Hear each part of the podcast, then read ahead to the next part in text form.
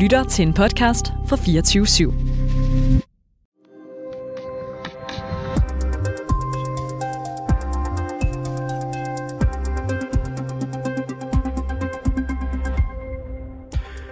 Mortergranater blev sendt ind i den nordlige del, nordlige del af Israel tidlig morgen den 8. oktober, og angiveligt ramte de en israelsk militærbase. Bag de her angreb, der stod den libanesiske Hezbollah-bevægelse, som siden den morgen har været i kampe med israelerne på den grænse, som de to lande deler. Og der bliver holdt rigtig godt øje med Hezbollah-bevægelsen lige nu. Spørgsmålet er nemlig, om den vil eskalere sine angreb på Israel. Det får vi måske svar på i morgen, hvor gruppens leder Hassan Nasrallah for første gang holder en offentlig tale, siden Hamas angreb Israel. Du lytter til Konfliktzonen, og vi ser frem mod Hezbollahs næste skridt i konflikten. Mit navn er Pola Roshan Bakker.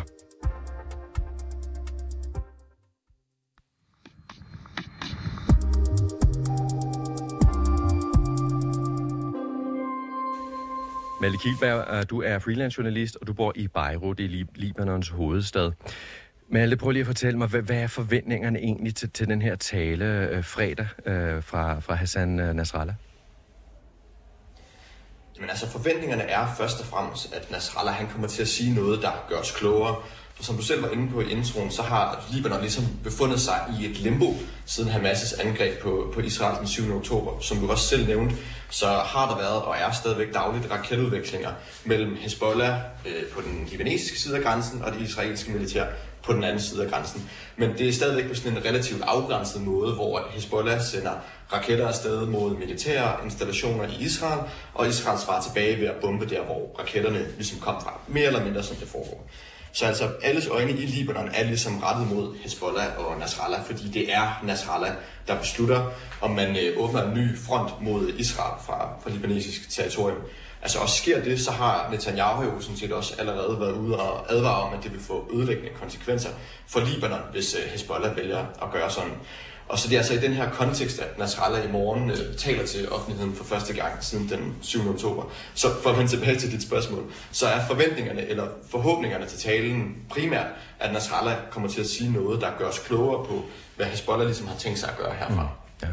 Fordi man kan se perspektivet her med alt det er vel, at øh, hvis øh, Hezbollah går ind i den her konflikt, så står Israel pludselig med, med en tofrontskrig, ikke sandt? Altså, hvor man både kæmper mod Hamas i syd og, og, og, og Hezbollah i, øh, i nord. Hassan Nasrallah her, han har jo været leder af, af Hezbollah øh, siden 92, øh, og Hezbollah kan man vel også kalde en slags paramilitær bevægelse, ikke? Der er nogle væbnede styrker, men men Hezbollah er jo også et parti, som har vældig meget skulle have sagt i Libanon. Prøv lige at uddybe, hvor, hvor meget bestemmer sådan en fyr som Hassan Nasrallah egentlig i Libanon? Jamen kort fortalt, så er Nasrallah en meget, meget indflydelsesrig mand i, øh, i Libanon. Og man kan ligesom dele Nasrallahs magt op i, øh, i, i to søjler, om man vil. En øh, politisk og sådan en militær eller paramilitær søjle, som du også selv er inde på. Eller, hvis vi lige skal prøve at gøre os klogere på den politiske først så er Libanon en stat, hvor rigtig mange af de funktioner, som vi i Danmark forbinder med en egentlig stat, reelt er brudt sammen. Altså man har for eksempel lige rundet et år uden en præsident og uden en egentlig regering, og det offentlige sundhedsvæsen er stort set ikke eksisterende, og elektricitet er også noget, som, øh, som libaneserne absolut heller ikke kan, kan tage for givet. Og alle de her mangler, det har ligesom skabt et magtvakuum, som for eksempel Hezbollah har udfyldt ved blandt andet at sørge for at have et meget effektivt sundhedsvæsen, og har sørget for at have 24 timers elektricitet til borgerne i de områder af Libanon, som Hezbollah-bevægelsen reelt øh, kontrollerer. Mm. Og så hvad angår det med udpegning af en ny øh, præsident, så er det, det er en meget lang, snørklet forklaring, hvordan man udpeger sådan en i, øh, i Libanon. Men det er ikke urimeligt at sige, at man bliver ikke præsident i Libanon i dag, uden at Nasrallah ligesom ligger anerkendende til det. Mm. Det var sådan den politiske. Hvis vi skal også skal tage den paramilitære del, som du også selv var inde på, så er Hezbollah også øh, ofte beskrevet som, øh, altså som verdens stærkeste ikke-statslige militærmagt. Og Nasrallah han har selv påstået, at bevægelsen råder over mere end øh, 100.000 soldater, hvilket dog nok er en, øh, en overdrivelse. Men altså, der er ikke nogen tvivl om, at øh, Hezbollah er langt stærkere end øh, både den libanesiske her, og for den sags skyld også øh, langt stærkere end Hamas. Og Nasrallah han er den ubestridte leder både af Hezbollahs politiske og militære fløj. Så kort fortalt så er Nasrallah en meget, meget indflydelsesrig mand, både i Libanon, men sådan set også i regionen i det hele taget. Mm. Øh, lad, lad os lige zoome lidt ind på den her fyr, som, som, som vi har talt om øh, siden, øh, ja, nu i flere minutter. Øh, han, hans forgænger blev jo dræbt i et israelsk helikopterangreb, ikke? Altså der i 92, øh, og, og, og gjorde så, at Hassan Nasrallah kunne overtage tronen her.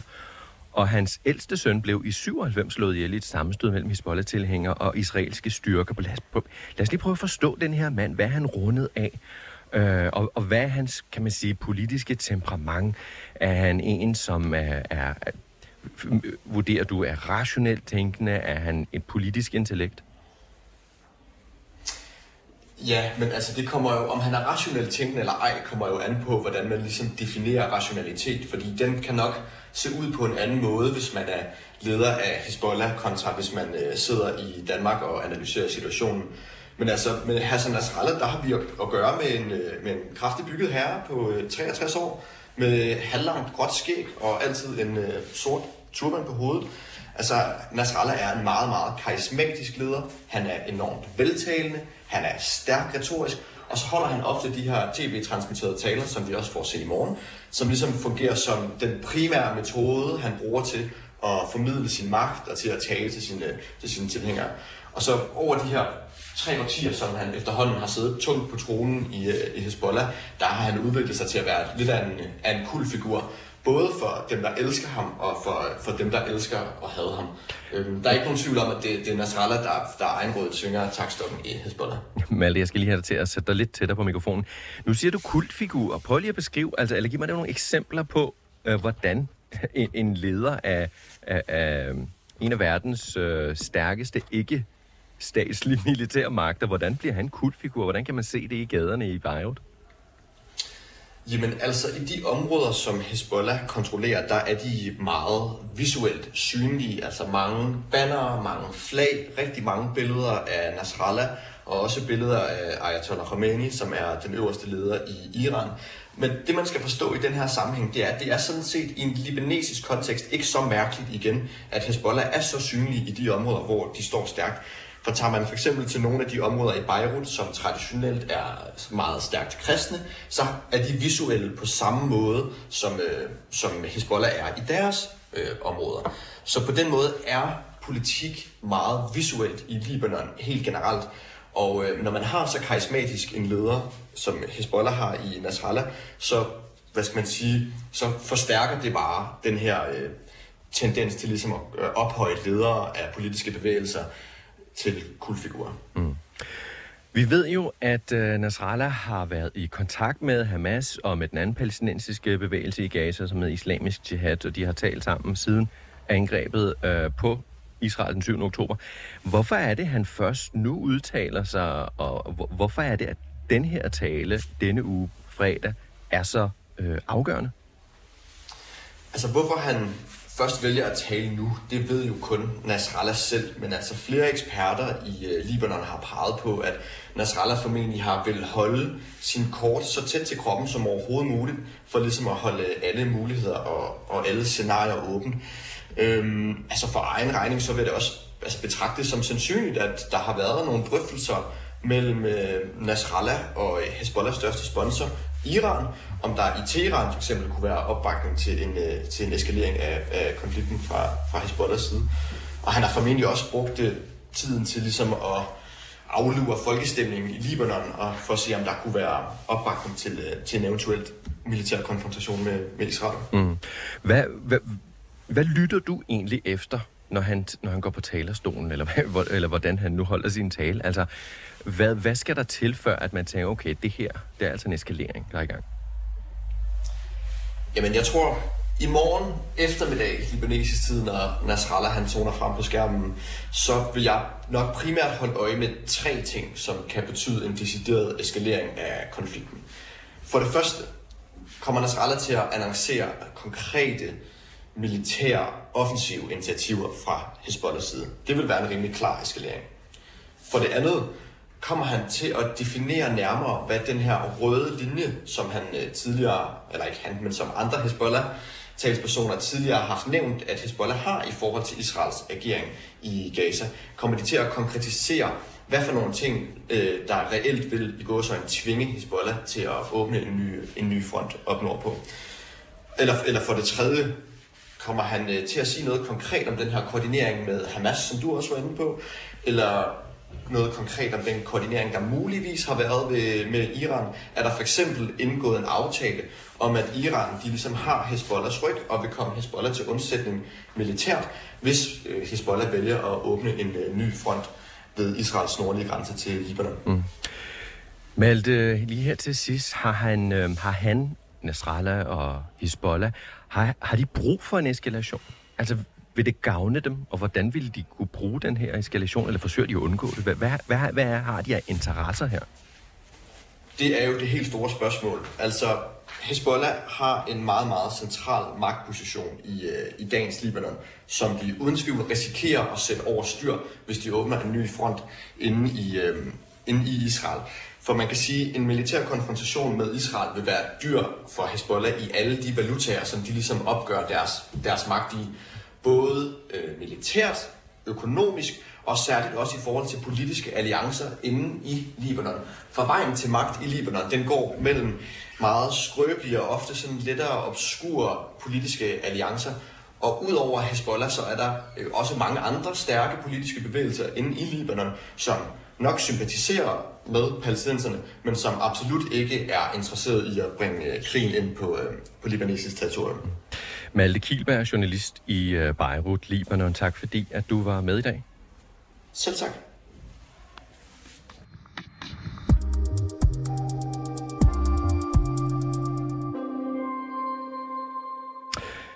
Sune Havbølle, velkommen til programmet.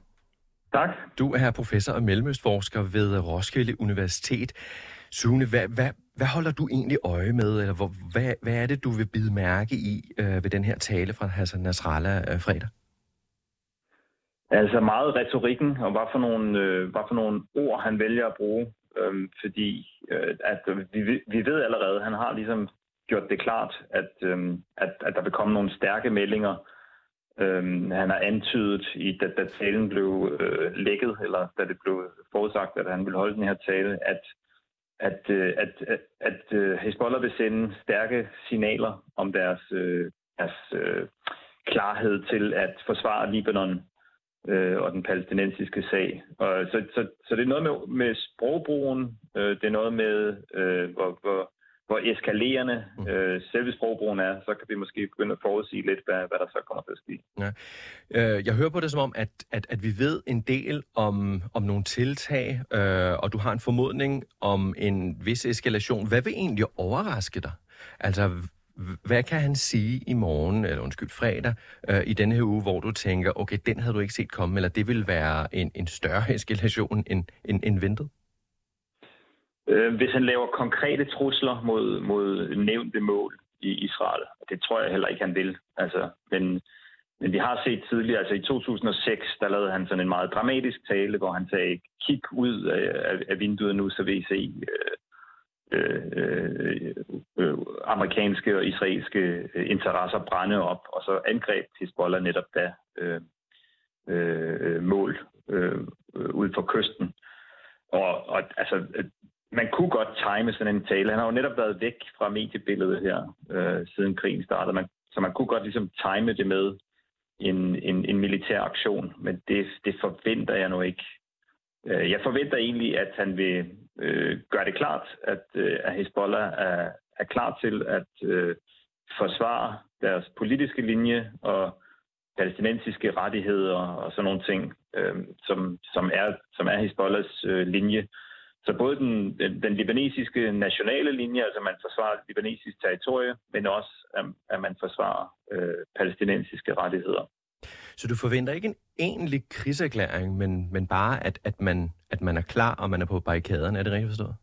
Ja, og ja. det er fordi, at øh, altså, jeg, jeg anskuer ikke øh, Hezbollahs øh, strategi her som, som en, en, øh, en eskalation hen mod fuld krig. Det er mere, mere en slags... Øh, øh, gradueret eskalation, hvor, øh, hvor de er klar til at, øh, at gå lidt længere og lidt længere, og så vente på de israelske svar.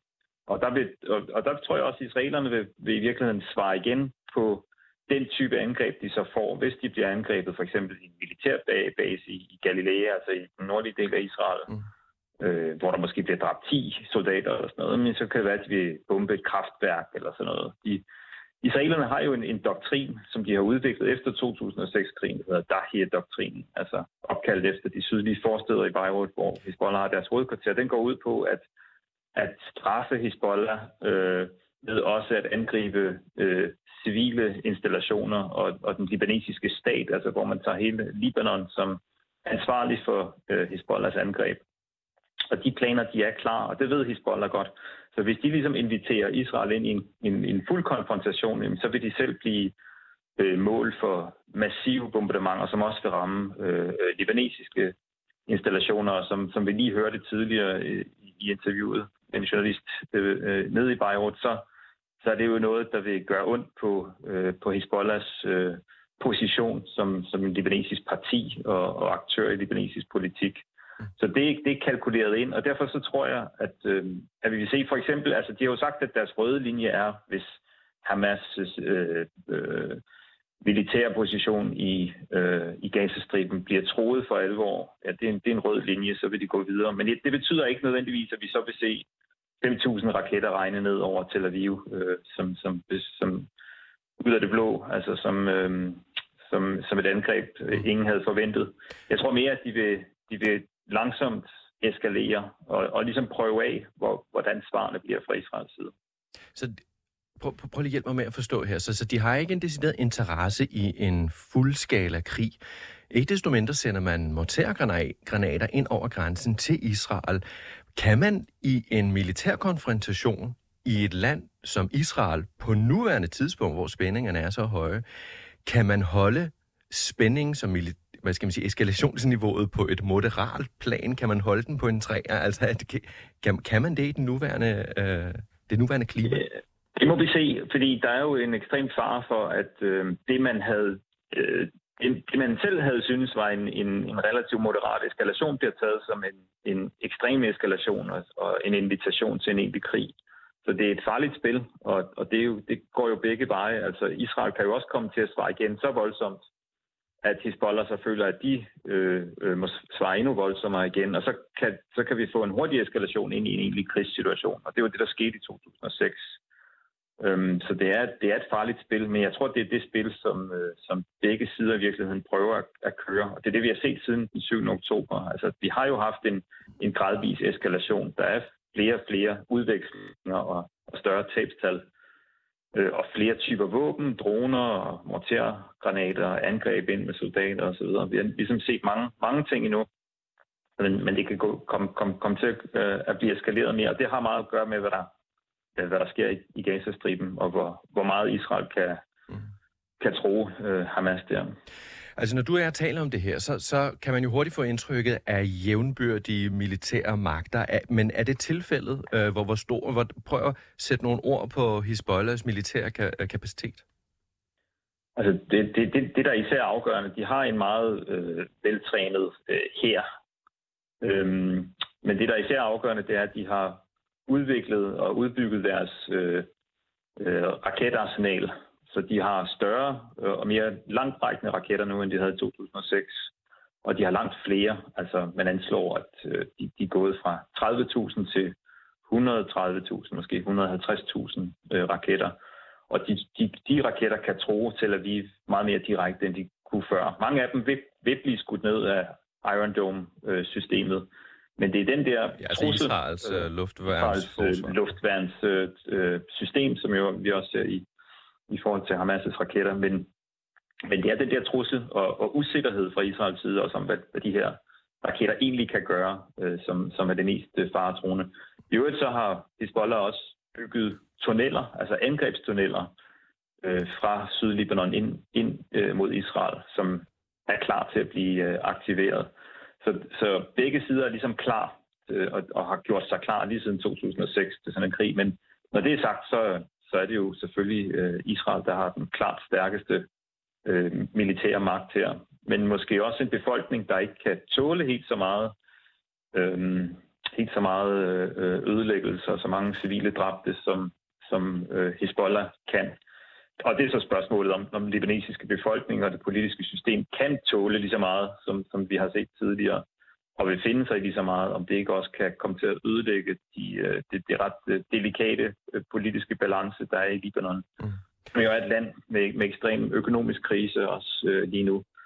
Øh, jeg tror, at Hezbollah er, er, er meget øh, opmærksom på det, og vil, og vil faktisk, øh, de vil faktisk helst, helst undgå en krig, og Israel vil helst undgå en krig. Øh, men, men der kan godt blive krig, og det er der, hvor vi står. Mm. Og det er interessant, fordi altså, du siger altså, at, at den, den, det regnskab, man så gør op i Beirut øh, fra Hezbollahs side, det peger i retning af, at det, det tør vi måske ikke lige at lægge os ud med israelerne nu, hvor økonomien er dårlig, og, og der er social armod. Øh, kan Iran, som jo er en sponsor øh, til Hezbollah, kan de trække, kan de insistere nok til at skubbe Hezbollah i krig? Altså, øh, Isra- øh, Iran har meget at skulle have sagt, når det gælder de her store politiske beslutninger om, om at gå i krig og ikke at gå i krig, men det er ikke sådan, at, at de kan trykke på en knap, og så agerer Hezbollah bare. Det er en, en slags diskussion mellem, mellem de to parter. Øhm, men altså stor, storpolitisk er det, er det jo enormt øh, faretroende for Iran, hvis, hvis øh, Hamas bliver svækket eller stækket fuldstændig, eller næsten helt. Øh, og hvis de så også øh, skulle risikere et, et israelsk modangreb, der ødelægger en stor del af Hezbollahs kapacitet, altså står Iran uden, uden øh, øh, meget stærke kort. Og det, det tror jeg faktisk også er et argument for, at iranerne er påpasselige her, og ikke, øh, ikke klar til at, øh, at aktivere fronten som en, som, en, som en helt krig. Så jeg tror, diskussionen har været meget i, i medierne om, om, om der bliver fuld eskalation eller ikke, og det, det, det, det tror jeg på en måde er forkert. Jeg tror mere, vi, vi kommer til at se en, en gradvis eskalation øh, og, og modsvar på den anden side. Spørgsmålet er så, om begge parter ligesom kan, kan holde det på det, eller, eller, eller der kommer til at blive gjort nogle, nogle fejltrin eller, eller for voldsom eskalation, som så tvinger øh, situationen ind i en, en krig. Altså, det er meget muligt. Mm. Sune Havbølle, professor og mellemøstforsker ved Roskilde Universitet. Mange tak for din medvirken. Selv tak.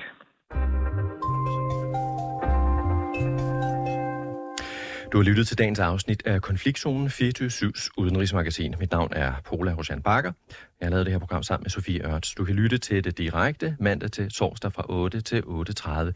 Men du kan selvfølgelig også høre programmet som podcast på genhør.